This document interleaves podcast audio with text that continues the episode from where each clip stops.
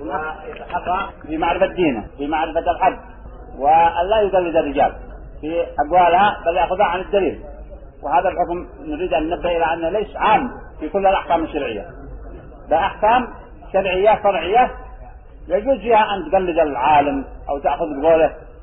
لكن الأمور الأصولية التي تعتبر من أصل عقيدة الإنسان ودينه الذي نسميها أصول الدين. لا يكون النظر فيها إلا بحسب الدليل وبعضها بعض هذا المسائل سلف الناس فيها. هل يجوز الاستدلال عليها بالسمع كما قلنا؟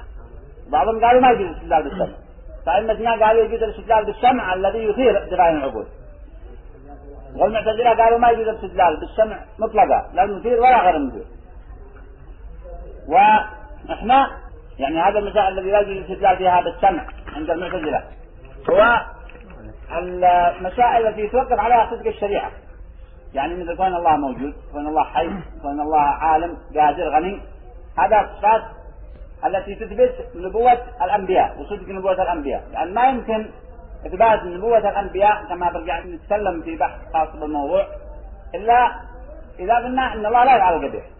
وكون الله لا يفعل القبيح هو متوقف على كونه موجود وحي وعالم وغني. لأن إحنا بنستدل بنركز دليل ونقول أن الله سبحانه وتعالى لا يفعل القبيح ولا ينصب معجزة على يد كاذب. لأنه عالم بقبح هذا الفعل وهو نصب المعجزة على يد إنسان كاذب. لأن التصديق له في قلبه فهو قبيح. والله غني عن القبيح هذا وعالم استغناء عنه فلا يفعل القبيح. إذا فلا يستدل بالقرآن مباشرة على أن الله موجود. لأن القرآن هو كلام الله. لكن نستدل به كما قال أئمة أهل البيت نلتمس منه الأدلة وليس الأحكام الجاهزة في قضايا الأصول وهي ما عبروا عنها بمعنى المثير من جرائم العقول. أيضا بعض القضايا في اصول الدين نفسها يمكن أن يعتمد فيها على تقليد علماء أو بعد ما يثبت حجية أهل البيت بالدليل القاطع يجوز الاعتماد عليهم في تفاصيل بعض أصول الدين التي لا تتوقف حجيتهم ولا تتقرر الرسول ولا رسالة عليها. فقالوا انه يجوز الاستدلال مثلا بالسمع على الرؤية من عدمها إن الله يرى أو لا يرى. مثلا التوحيد نفس إن الله واحد أو أو أكثر. هذا قالوا يجوز الاستدلال بالسمع عليها. قالوا إنه لا إله إلا الله. فإحنا كما قلنا هذا المراد به اذا ذكرنا الاستدلال هذا هو الاستدلال بمجرد السمع فقط. لا بالسمع المشير إلى الوجه إلى الدليل أو المنبه على الدليل. بل بالسمع مجرد. مثل حامد السديد يقول تعلم إنه لا إله إلا الله على أن الله هو إله واحد.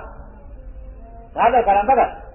ما هو بقوله لو كان فيهما آلهة إلا الله ولا فسدتا هذا كلام هو دليل في حد ذاته عقلي منطقي. إنما ذكره لنا القرآن. إحنا بدينا بالقرآن إلى الدليل. هذا ما يسمى استدلال بالسمع على أصول الدين مثلا. ومثل عن تدر يقول الله سبحانه وتعالى أفلا ينظرون إلى الإبل كيف خلقت؟ سنريهم آياتنا في الآفاق وفي أنفسهم حتى يتبين لهم أنه الحق. فمثل هذه الأشياء هي إنما هي دلالة على الوجه على الدليل فلا يسمى أن الاستدلال بالسمع على أصول الدين التي لا يمكن الاستدلال بالسمع عليها أيضا إذا بدأنا نبدأ مثلا في أصول الدين فأول ما يقال في أصول الدين أنه يجب علينا معرفة الله سبحانه وتعالى أول مسألة في أصول الدين هو أنه يجب على الإنسان معرفة الله عز وجل فهنا يأتي سؤال مثلا قال من أين وجبت المعرفة؟ من أين يجب علينا أن نعرف الله سبحانه وتعالى؟ أو كيف نتوصل إلى معرفة أنه يجب علينا معرفة الله؟ هذا يجب المعرفة نفسها. فاختلف الناس. ناس يقولوا يجب علينا معرفة الله سبحانه وتعالى بالعدل. ولو لم يكن هناك رسل ولو لم يكن هناك قرآن ولا أي كتب سماوية أن العدل يدلنا على معرفة الله عز وجل. وأن الناس مكلفين معرفة الله. وإن لم يكن هناك بل عدل مجرد ولو ما بشي رسل جعلوا لهذا العدل سببه ما هو السبب في أنه يجب علينا أن نعرف الله سبحانه وتعالى؟ حتى لو ما بيجي رسول ولا بيجازي بعضهم قالوا لأن الله سبحانه وتعالى منعم أنعم علينا بنعم وأوجدنا من العدم وفعل لنا أفعال كثيرة توجب علينا شكره. وأن شكره من عماده ولا يمكن شكره إلا بعد معرفته. ولا يمكن معرفته إلا بالنظر والتفكر لمعرفة من هو المنعم هذا؟ الذي أوجد لنا هذا النعم كلها. من السماء والأرض والهواء والماء وكل الأشياء. فهذه نظرية. ونظرية أخرى بتقول أن المعرفة وجبت لكونها لطف. معنى اللطف أي أنها تقربنا إلى أن نفعل الواجبات العقلية وننتهي عن المنكرات العقلية. فإذا عرفنا الله سبحانه وتعالى قالوا العقل يدل على أن هناك أشياء قبيحة وأشياء حسنة. العقل قاعدة نظر إلى الشرع العقل يعرف أن الظلم قبيح وأن الإنجاز الغريب هذا واجب. بدون أن يكون هناك شرع. فقالوا الشرع يجب لكونه لطفا في وجه. فالمسائل العقلية هذه لأنك إذا عرفت أنت الله سبحانه وتعالى دفاع عند القبائح العقلية لأنك جاي ما يعاتبك عليها. لأنك إذا عرفت أنت الله عرفت أنت أنه يعاتبك على القبيح ويجيبك على الحسن فهنا تكون أقرب إلى فعل الحسن وإلى ترك القبيح العقلي شوف هذا من نوع الغلو الذي قلنا الغلو في العقل أصبحت الشريعة كلها ما عدها إلا وفق العقل يعني ما عاد شيء. لا لا ما عدا إلا لأجل أي فائدته والغرض منه هو كونه لطف في وش؟ في الواجبات العقلية. كل الشرائع الصلاة والصيام والحج والزكاة وال... كل الشرائع هذه ما هي إلا لوش ما وجبت إلا لكونها لطفا في المسائل العقلية ومعنى اللطف كما قلنا أن الذي يكون الإنسان معه أقرب إلى فعل وجه الحسن وإلى ترك القبيح مثلا نسمي المعضة لطف عندما يموت واحد قلنا هذا لطف لنا يعني انت ضده نعرف إن إحنا بنموت وكذا. الشيء اللي كنت أقرب معه إلى فعل وجه. الحسن وترك القبيح يسمى لطف فقالوا المعتزلة أن الواجبات الشرعية وهي الصلاة والزكاة والصيام ومنها حتى معرفة الله عز وجل. إنها وجبت لكونها لطفا في الواجبات العقلية. كيف يعني جعلوا كل الشريعة بكل ما فيها. بما فيها معرفة الله ما هي إلا لأجل كونها لطف يجربنا إلى ترك الوجه. القبائح العقلية وفعل الواجبات العقلية. واختلفوا في أدنى بلغتهم الرسل. ما حكما. كيف نحكم عليهم؟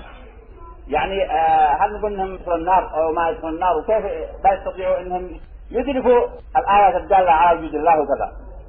فإحنا أول شيء نريد ننظر ما هو الواجب علينا شرعا وما هو الذي يلزمنا شرعا. وإذا هذا مسائل خارج خارج نطاق الشرع يعني ما كلفنا الله بها ما إحنا بعادة ندخل فيها.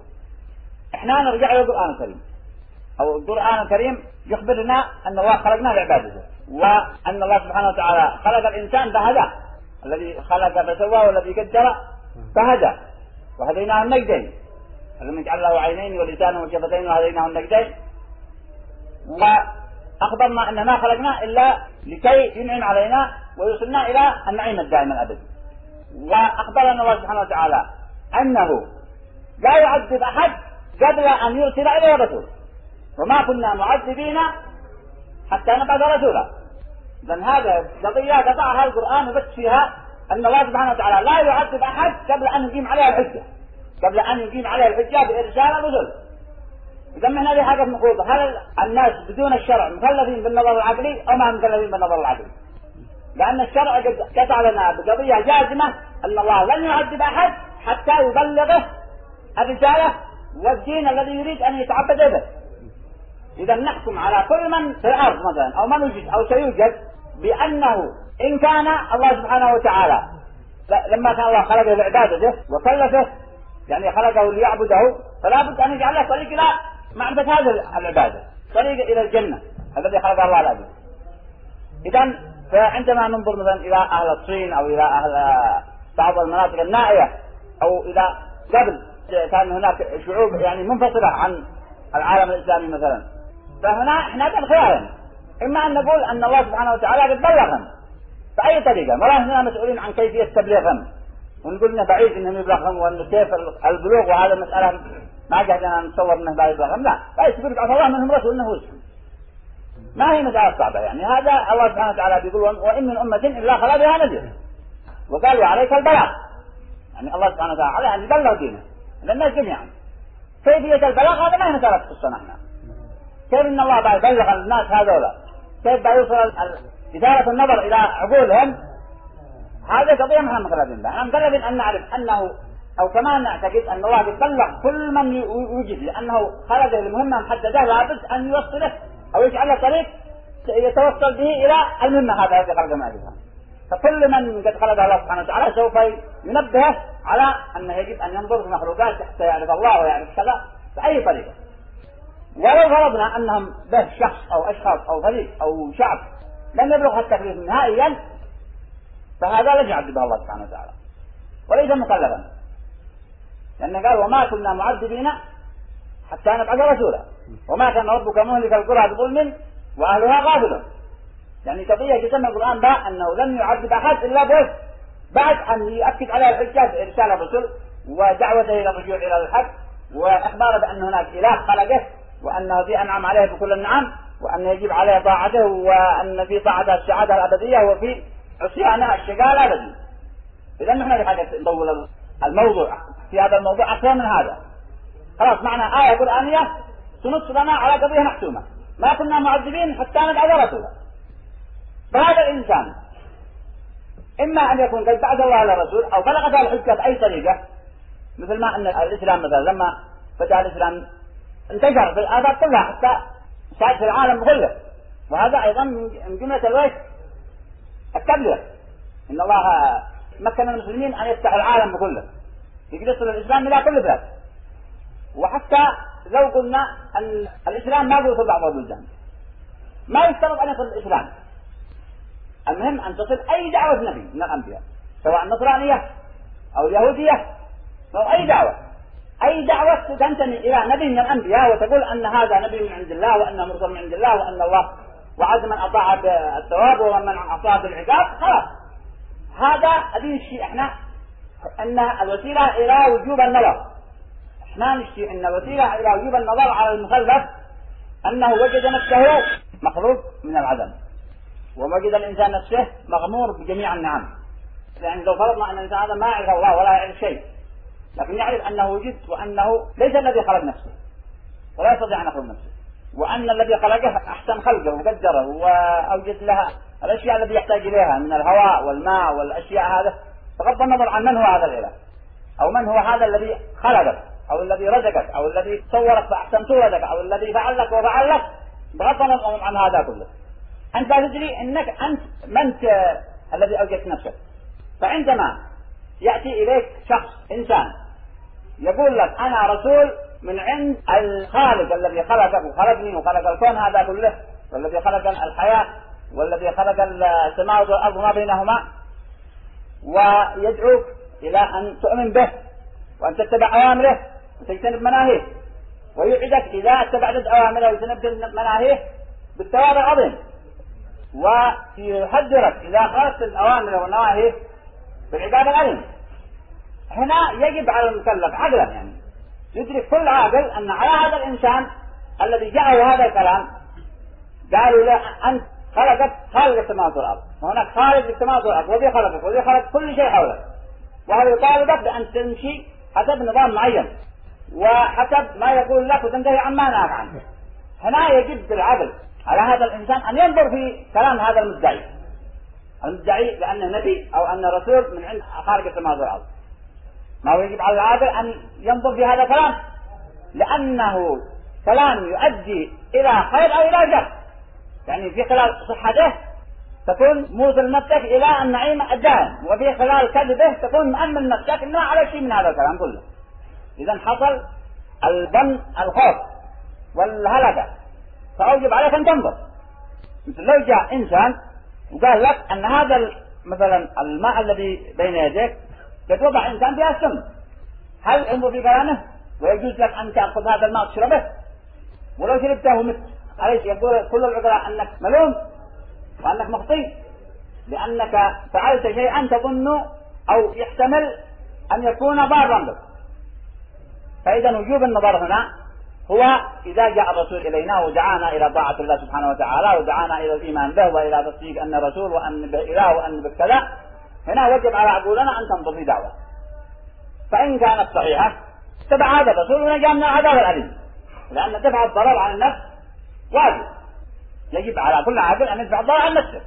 كما هي؟ فطرة الله سبحانه وتعالى حتى في البهائم ما هو مبلغ الإنسان؟ تحاول أن تدفع الضرر عن نفسها بأي طريقة. فمن واجبات العاقل أن يدفع الضرر عن نفسه. والضرر هذا إذا بدو محتمل إذا بدو محتمل بدو واجب عليك على الأقل أن تتحقق منه. هل هو صحيح ولا لا؟ فإن ثبت أنه ضرر صحيح وجب عليك توجه وإن ثبت أنه ضرر غير صحيح فخرجت من دائرة دفع الضرر عن نفسه. إذا فوجوب النظر في معرفة الله سبحانه وتعالى هو لأنه أرسل إلينا رسل ودعانا إلى طاعته وحذرنا من معصيته ووعدنا على طاعته بالثواب الدائم الأبدي والجنة فهنا وجب على كل العاقل أن ننظر في هذه الدعوة. هذا وجوب النظر.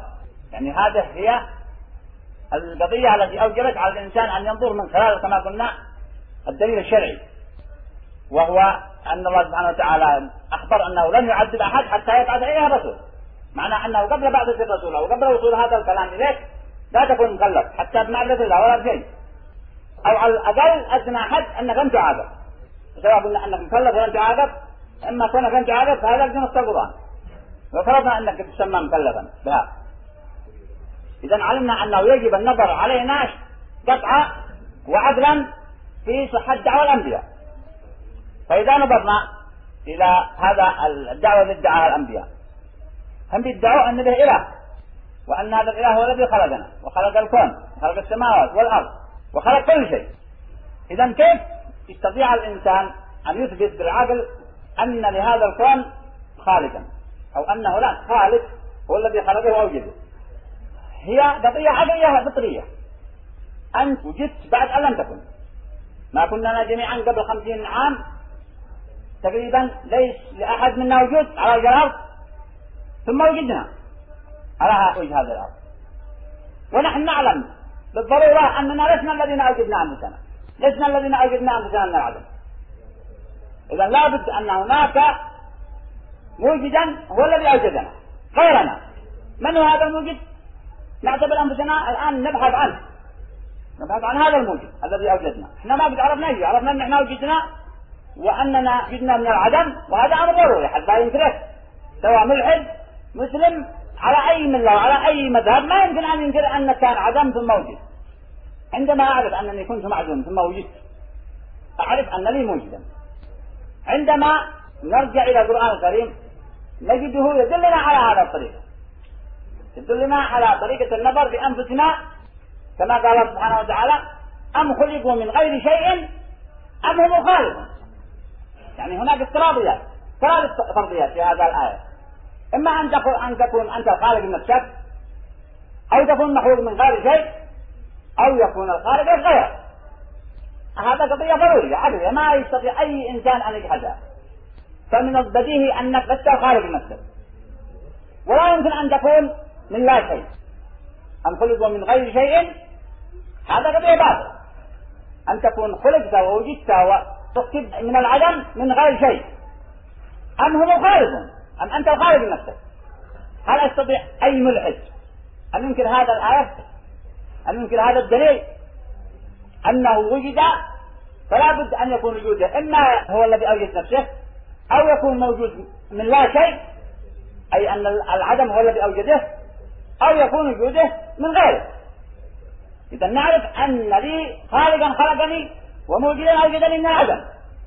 هذا أول نعرفها من صفات الله سبحانه وتعالى. أن لنا خالقا خلقنا وأوجدنا من العدم. لأن كما قلنا ما معنى ذلك؟ اسماء الاختلاف إما أن نكون وجدنا من غير شيء وهذا محال عبدا أو نكون الذين أوجدنا أنفسنا وهذا معروف بالضرورة أنه ليس بصحيح. ما بقي إلا أن الذي أوجدنا هو غيرنا. إذا كما قلنا المعرفة بالله سبحانه وتعالى هي معرفة سهلة وبسيطة. يعني لا تحتاج إلى فلسفة وإلى خروج عن الفطرة التي فطر الله الإنسان عليه الإنسان بجبلة الفطرة يعرف أنه كل فعل لا بد ينفع لو رأينا مثلا حجر تهوي إلينا داخل الجامع تبادر إلى عقل كل عاقل أن هذا الحجر لها رامي رمى بها. لا يمكن أن تكون جاهز نفسها أو بغير شيء. وهذا مجرد حركة. فكيف بإنسان مؤلف مركب منظم فيه عالم بأكمله داخل هذا الإنسان؟ فعندما ننظر إلى أنفسنا فقط يعني دليل واحد يدلك على معرفة الله سبحانه وتعالى. يكفي وهو أنت في نفسك. ما تحتاج أن تنظر السماوات والأرض ولا إلى دليل الإنس. يعني دليلك في نفسك أنت. دليل لا يمكن إنكاره. يعني الأصوليين بيستدلوا على أن العالم هذا محدث. يقولون يستدل على أن الكون محدث. لأنه متغير وأنه كذا. وهذا دليل جميل. لكن أحيانا يفسروا فيه تفصيل بعيد. لأنه لا زال العالم ملازم للإمكان والإمكان فرع التمكن والتمكن فرع الفاعل والفاعل وما كان فرعا عن غيره فهو محدث إذا كون الكون كله محدث من العدم أو لا ما نحتاج إليه الحين. في معرفتنا بالله سبحانه وتعالى. يكفي أن أعرف أني أنا موجود من العدم. أن الشجرة هذه وجدت ولم تكن. أن هذا السحاب المدخل بين السماء والأرض وجد ولم يكن. أو اجتمع ولم يكن مجتمع. أن الأشياء التي تراها ضرورة أمامك توجد بعد أن لم تكن.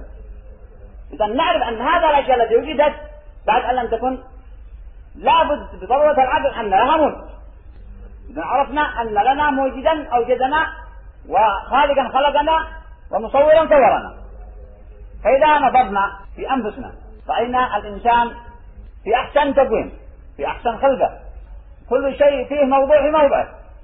كل شيء فيه مقدر تقدير عجيب وغريب. ما عرفه الإنسان.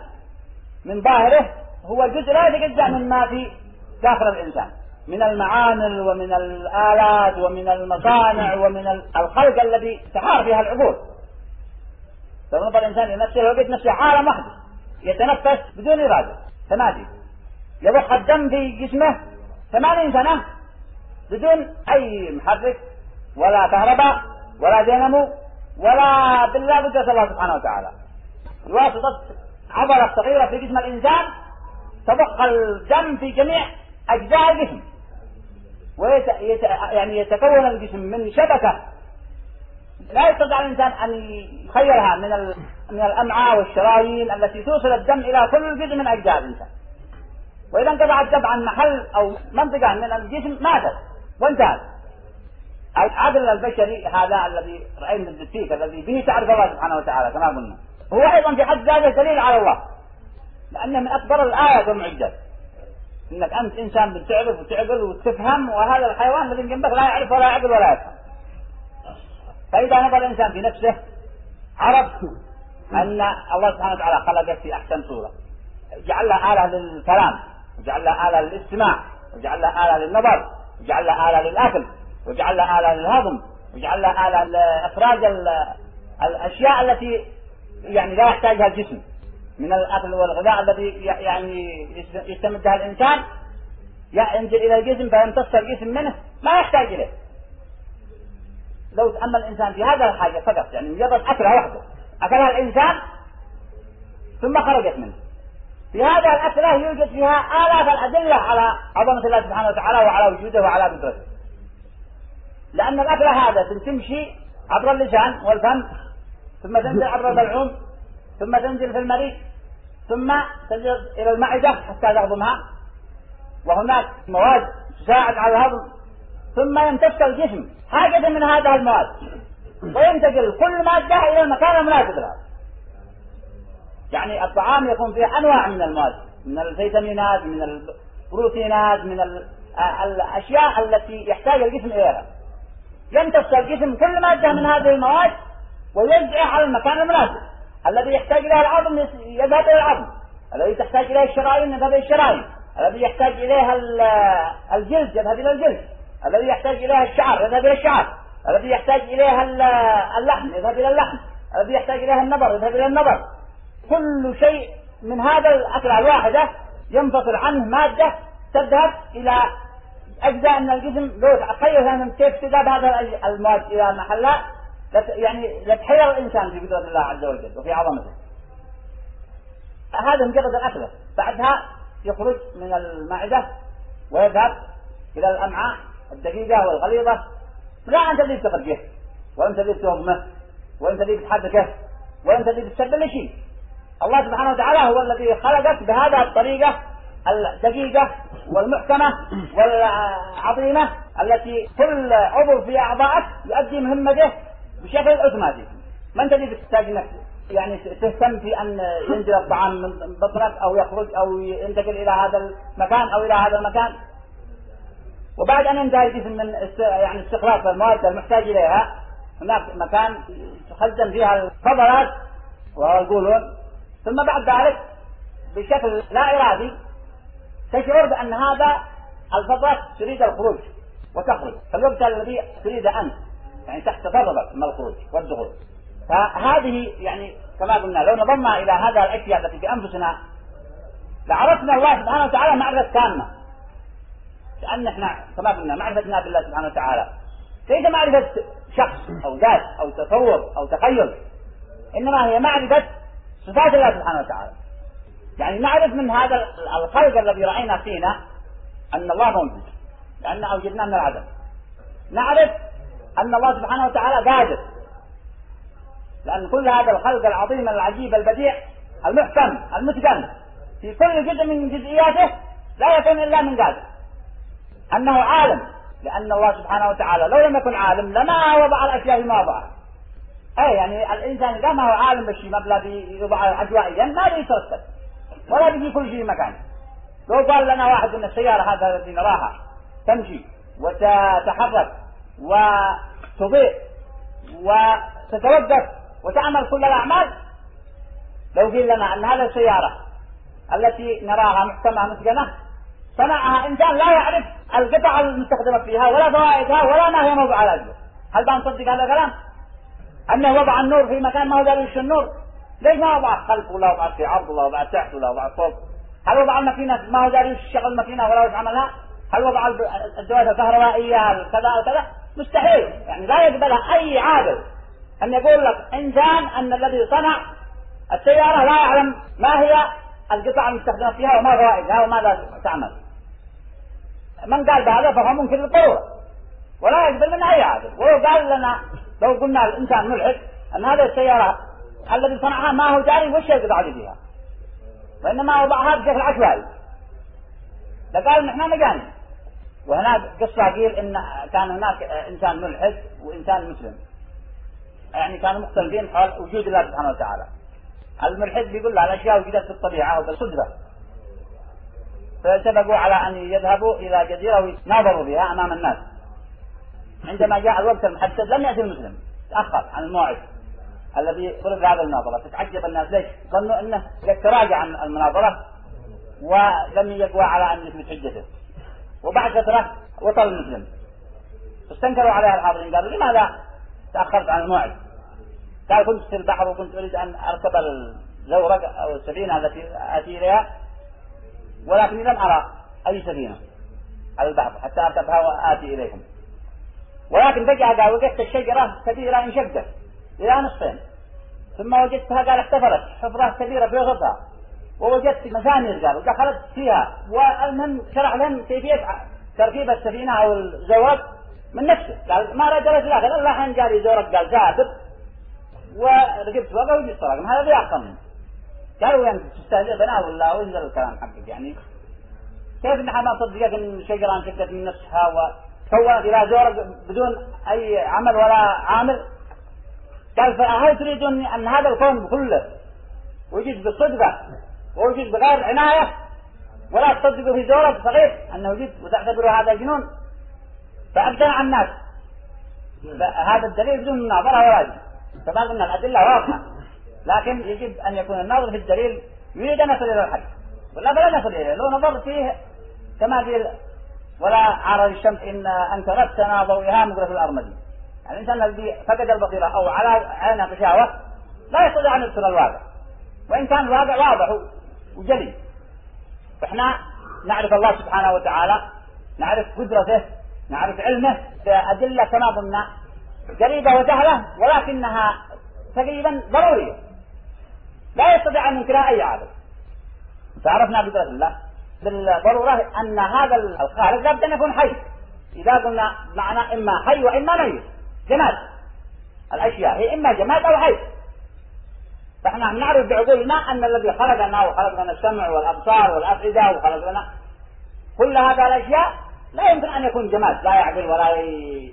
لأن معنى الجماد هو الأشياء التي لا يعقل ولا يفعل بالإرادة ولا يدرك شيء. فلا يمكن أن يكون الخالق هو جماد. لابد أن يكون حي. ومعنى الحي إذا قلنا حي في حق الله سبحانه وتعالى يجب أن نتجرد عن معنى الجسدي إنما معنى الحي هو الذي يفعل ويعلم ويقدر ويتصرف بإرادة. هذا معنى الحي. بعيدا عن معنى الجسم أو التحيز أو هذا المعاني الطيبة للحياة. فالله هو الحي كما قال الله سبحانه وتعالى. الله لا إله إلا هو الحي القيوم. أثبت الله نفسه الحياة لأن لا يمكن أن يوجد عمل لو قلنا له بالعينة أن الذي صنع السيارة هو الصخرة أو الجذر أو الشجرة. هل ده يدخل في عقل عاقل؟ أن يصدق أن الذي صنع السيارة هي الصخرة أو شجرة أو جماد من الجمادات؟ إذا لا يمكن أن يصدر الفعل الحكيم المتقن إلا من حي حي يفعل ويريد ويعلم ويقدر هذا معنى الحي إذا قلنا حي في حق الله سبحانه وتعالى. إذا عرفنا أن الله سبحانه وتعالى موجود وأنه قادر وأنه عالم وأنه حي وأنه سميع وأنه بصير. كل هذه الأشياء تكمل بعضها البعض. لأن كما قلنا مثلا الأعمى لو يجي يقول لنا إنسان عند واحد كتب المصحف. الذي كتب المصحف هذا وشكله ونقطه ودبره إنسان أعمى. لا نصدقه ولا ندخل في عقول الناس إن لا يجبر أن يكون إنسان أعمى هو الذي صنع هذا الشيء.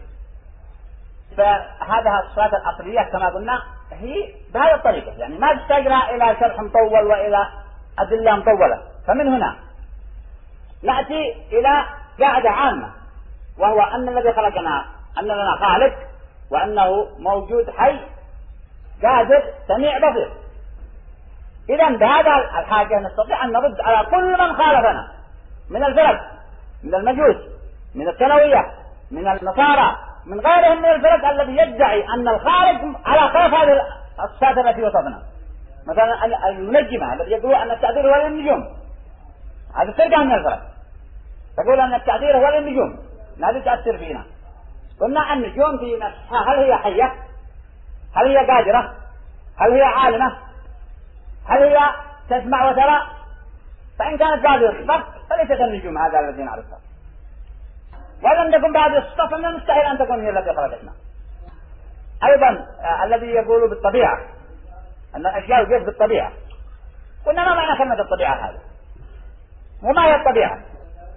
فأنا رأيت نفسي وجدت لا الطبيعة ولا أعرف معنى كلمة الطبيعة. إنما الطبيعة التعبير عن اللا شيء الذي عبر الله عنه في القرآن بيقول أم خلقوا من غير شيء. فأنهم بيعتبروا أن هذا يعني وجدت من لا شيء. ثم لا شيء هذا طبيعة يعني كذا عن طبيعة الأشياء توجد هكذا بدون أن يكون لها موجود فإذا تقرر هذا الأصل عند الإنسان يستطيع أن يرد على كل من خالف الإسلام. كل من أنكر الله سبحانه وتعالى. كل من نسب الوجود إلى العقول العشرة التي بقلوب الفلاسفة أو العلة الأزلية التي بقلوب الفلاسفة أو النجوم التي بقلوبها النجمة أو النار التي بقلوبها المجوس. أن النار هي, هي الإله كما يقال أو النور كما يقول الثانوية أن النور هو الخالق للعالم هذا أو أو غيرها من الأشياء التي لا يقبل العقل البشري السليم أن يتكلم بهذا الكلام. يعني هذا تدلنا على شيء واحد. عندما يجي يقول الإنسان أن الذي خلق العالم هو النور. وآخر يقول الذي خلقه أو خلقني. هو النجوم. وآخر يقول هو الطبيعة. وآخر يقول هي النار. وآخر يقول هي البقرة. وآخر يقول هي يعني أدوار مختلفة. لكن كلها تفيد معنى واحد. هو أن الإنسان بفطرته يعرف أنه لا بد له من خالق. لا بد له من شيء أوجد وإن اختلف أو ظلت الفرق هذا في تعيين هذا الشيء. لكن كلها تفيد أنه لا بد أن يكون هناك شيء غير المخلوق هذا. فإذا كما قلنا إذا أحكمنا هذا الأصل وعرفنا معرفة يقينية ثابتة راسخة أن لنا خالقا قادرا عالما حيا سميعا بصيرا فنستطيع أن نرد على كل من خالفنا مهما اختلفت الفرق. يعني عندما يجلس واحد في أصول الدين الفرق الثانوية والوثنية والمجوس والمدري من وال... كلها تعتمد على هذا على هذا القاعدة العامه لأنها قاعدة عمليه شبه ضرورية يعرفها كل عابد أن هذا الذي يدعي أنه إله أو يدعي غيره أنه إله نقيس على هذا المقياس الذي قد سمعنا به بقناعه تامة. هل هو قادر عالم حي موجود سميع بصير؟ فإذا هو الطريقة إحنا نعترف له إلا لله وهذا اللي نشي إحنا من قولنا الله. ما نشي من قولنا الله إلا معناها الذي خلقنا وخلق العالم وهو سميع بصير قادر حي موجود كذا كذا. إحنا إذا استدلنا بهذا يعني كما قلنا بنفوسنا على وش؟ على أن لنا خالق وأن الخالق هذا هو الله سبحانه وتعالى. لأن ما رأينا أحد يدعي أنه خالق الذي أوجدنا وهو يمكن أن يكون. هو الخالق غير الله سبحانه وتعالى. ادعى فرعون الإلهية. وهو بشر مثلنا. يموت ويحيا ويفنى ويزول ولا. ادعى بعضهم من النجوم للشمس للقمر كلها أدلتها أدلة عدم إلهيتها واضحة. كما حكى الله عن إبراهيم. وكذلك نري إبراهيم ملكوت السماوات والأرض وليكون من الموقنين. فلما جن عليه الليل رأى كوكبا قال هذا ربي. فلما أفل قال لا أحب الآخرين. فلما رأى الشمس بازغة قال هذا ربي هذا أكبر. فلما أفلت قال يا قوم إني بريء مما تشركون. كل هذا الأشياء التي يدعى كونها إله لو نظر الإنسان بنظر بسيط إليها لعرف أنها ما لها دخل بالإلهية ولا هي إلا من أضعف المخلوقات فعن الشيء هذا دليل سهل وقريب دلنا عليه القرآن. أم خلقوا من غير شيء؟ أم هم الخالقون ففي معنى السماوات والأرض ما بينها.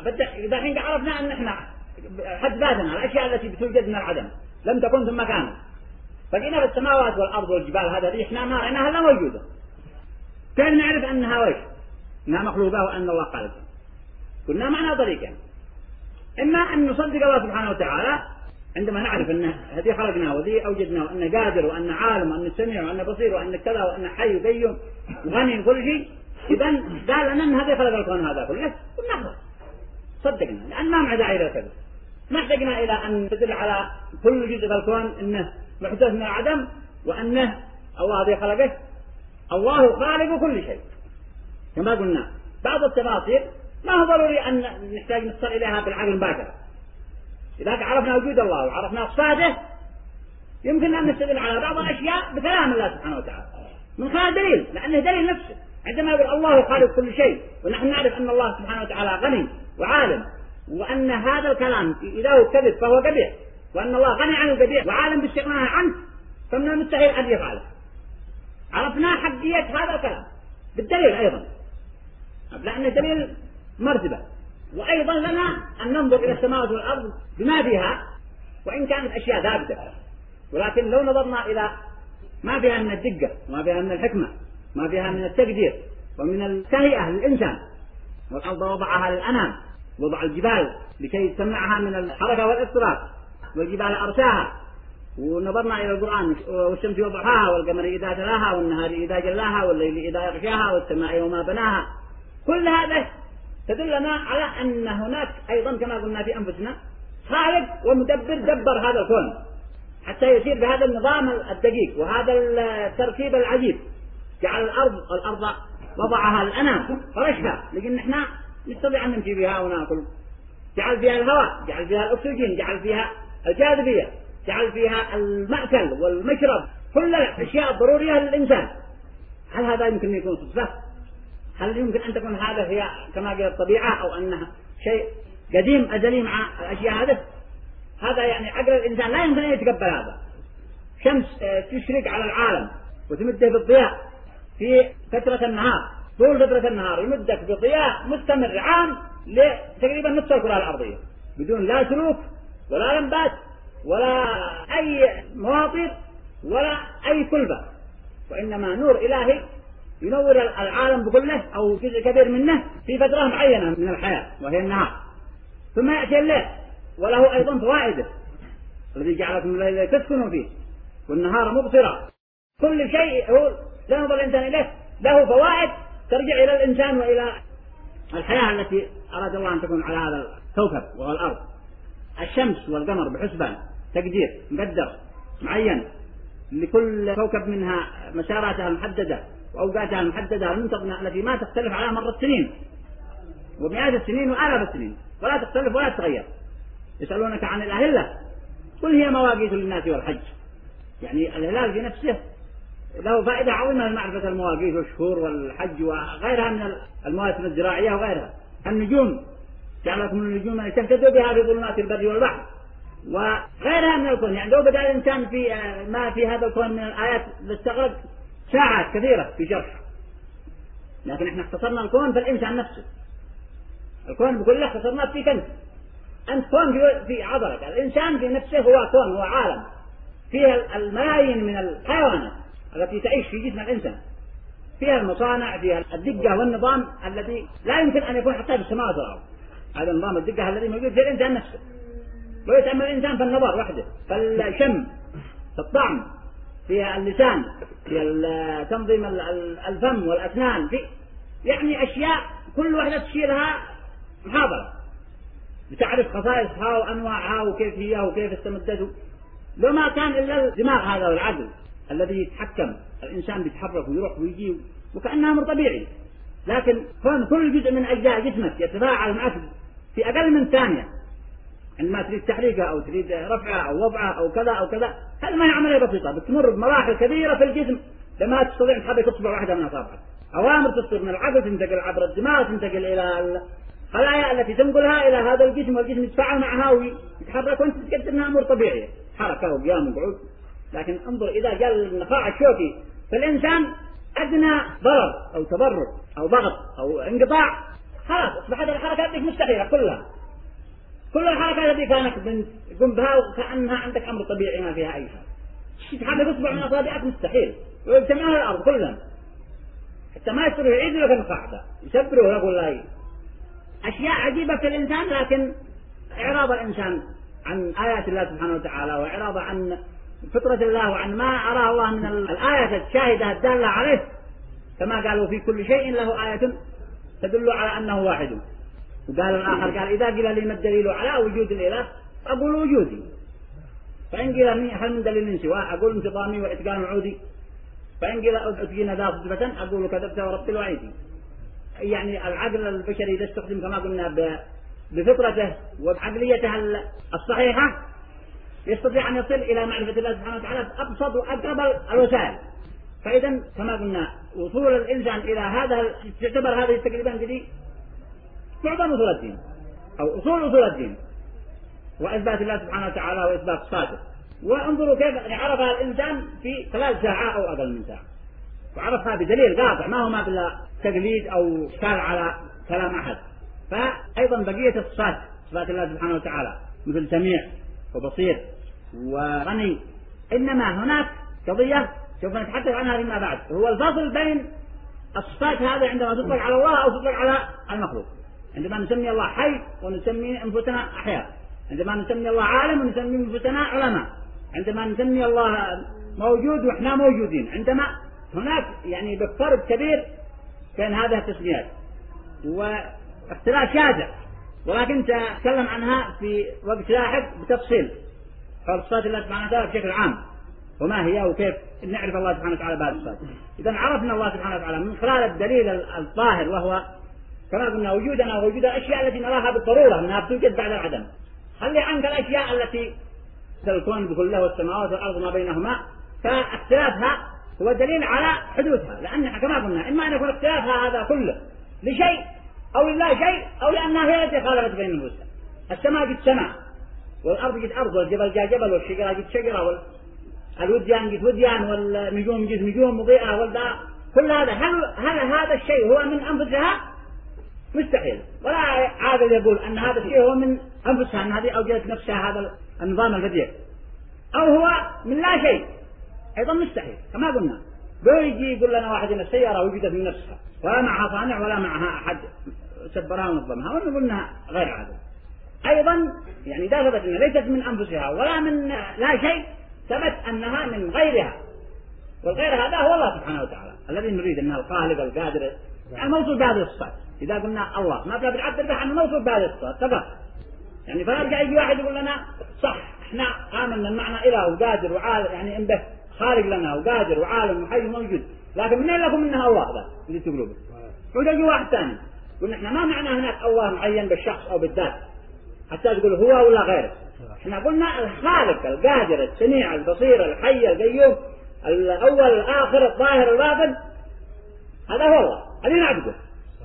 ما قلنا فلان ولا فلان ولا ذي الشخص ولا ذي الشخص. الناس تقول ما هو دليلكم على أن الله هو ما يكون غيره هو الذي اوجدك مثلا. قلنا ما معنى لا معرفة الله من خلال صادق. فقط. نعرف الله سبحانه وتعالى أنه هو هذا الذي خلقنا ورزقنا فعل وفعل فعل فقط هذا هذه نعبر عنه بكلمة الله. ما هي بحاجة ندلل على أنه وجه واحد ثاني؟ ما معنى قصتنا بهذا الذي لا الذي هو يتصف بهذه الصفات ما معنى هناك تعيين شخص أو ذات أو جسم أو شيء معين ليثبت له هذا الصفات أو تنفع عنه؟ إنما المتصف بهذه الصفات هو الإله الذي نعبده ونؤمن به نتوكل عليه ونعرف أن له المنة الشكر على ما أعطانا من النعم وما خلق لنا من الأشياء كلها التي حتى السماوات والأرض كلها ما فيها خلقها الله سبحانه وتعالى لأجل الإنسان. خلق لكم ما في السماوات والأرض جميعا منه. وإن تعدوا نعمة الله لا تحصوها. فهذا كما قلنا هي مجمل معرفة الله سبحانه وتعالى. وكما سمعتوا هي أدلة بسيطة. ولا تحتاج إلى فلسفة ولا تحتاج إلى تطويل ولا تحتاج إلى قضايا معقدة ولا مقدمات ونتائج ولا شيء. أشياء فطرية. قد يدركها الإنسان بفطرته قد يدركها الإنسان بتنبيه بسيط من كذا؟ قد يدركها الإنسان فأنا وش نقول لكم إن معرفة الله سبحانه وتعالى التي واجبة على كل مكلف والتي لا يخرج مكلف عنها ما معناه إنه بده يقرأ كل اصول الدين دي لكنه قال انه عرف الله. يمكن أن يعرف الله العامي مثل ما قال العربي الذي بيقول البعض تدل على البعير وآثار السير تدل على المسيره فتمام ذات هذا دليل كامل. ما يحتاج أن يعرف الإمكان والتمكن والأمكن والاشياء هذا الفلسفيه التي مثلا وضعت في علم الكلام فإنما معرفة الله سبحانه وتعالى هي مراتب. معرفة توصلك إلى اليقين بالله ومعرفته. عبد المعرفة فوقها تعرف الشبه والاشكالات التي يمكن أن تورد عليك وكيف حلها هذا هي إلى المجتهدين ما هي فرض عين على كل مسلم. معرفة الشبه وكيفية ردها وكيفية الإجابة عنها هذا فرض كفاية. أما معرفتك اليقينية بالله سبحانه وتعالى من خلال مخلوقاته ومن خلال ما كلف عليها القرآن أفلا ينظرون إلى الإبل كيف خلقت وإلى السماء كيف رفعت وإلى الجبال كيف نصبت وإلى الأرض كيف سطحت. هذا المعرفة اليقينية التي دلت الله على النظر فيها والآية القاطعة يجب أن تكون هي مصدر لمعرفتك بالله سبحانه وتعالى. وأما التفصيلات الأخرى رد الشبه والإشكالات وهذه الأشياء كما قلنا هي فرض كفاية. يمكن أن يسقط عن الإنسان أن يوجد من يكون من المسلمين أو في المنطقة أو في المجتمع من يعرف هذا الشبه حتى يستطيع أن يدفعها. لكن لو لم يوجد من يكون بهذا المثابة لكان الناس كلهم مقصرين. لأن الفرض على الناس جمع لكن إذا قام ببعض سقط على الآخرين. فإذا لم يقوموا به جميعا أذموا جميعا. هذه هي المعرفة الذي بنقول معرفة الله سبحانه وتعالى. يعني هذا في بدايتها. قد قاعد ندخل في تفاصيل الاختلاف في الصفات والاختلاف في بعض الصفات بعينها نحاول أن نتعمق فيها في الإمكانية التي نراها متاحة لنا من قبل الشرع ومن قبل العقل ولا نتعمد في أشياء ما معنى عليها دليل ولا معنى عليها أي أمارة تدلنا عليها. بهذا يكون قد عرف الإنسان الله سبحانه وتعالى وكلمة الله ما معناه بقية تفاصيل بقية الصفات ومعاني بقية الصفات بذاتها فنتعرض في محاضرات آتية إن شاء الله تعالى. فنسأل الله أن يعرفنا ذاته ويعرفنا الله سبحانه وتعالى عظمته ويجعلنا من العارفين به والمتوكلين عليه والمؤمنين به والملتجئين إليه والعارفين له حق المعرفة. لأن المعرفة بتزيد الإنسان من خلال كل ما تأمل الدليل. كل ما تأمل أنت الدليل زاد في المعرفة التأمل في الدليل التأمل في الكون في السماوات وفي الأرض وفي هذا هي بتعمق المعرفة. ولذا دلنا الله عليها في القرآن في أكثر من آية أفلا ينظرون أفلم ترى أفلم تروا آيات كثيرة تدلنا على النظر لأن النظر في المخلوقات هو سبب زيادة عظمة الخالق في قلبه. تعرف قدرته تعرف عظمته تعرف جلاله تعرف رحمته تعرف كل شيء من خلال نظرك في مخلوقاته. فنسأل الله سبحانه وتعالى أن يعرفنا عظمته وجلاله وأن يجعلنا من العارفين به والمؤمنين به والمتوكلين عليه والعارفين له حق المعرفة. وأن يجنبنا من الشك والشرك والزيغ والضلال ومضلات الفتن ما ظهر منها وما بطن وأن يهدي قلوبنا إلى ما أوجب علينا وإلى ما كلفنا به وأن يخرجنا من دائرة التكليف والوجوب الذي فرضه علينا بهدايته وتوفيقه وتسديده.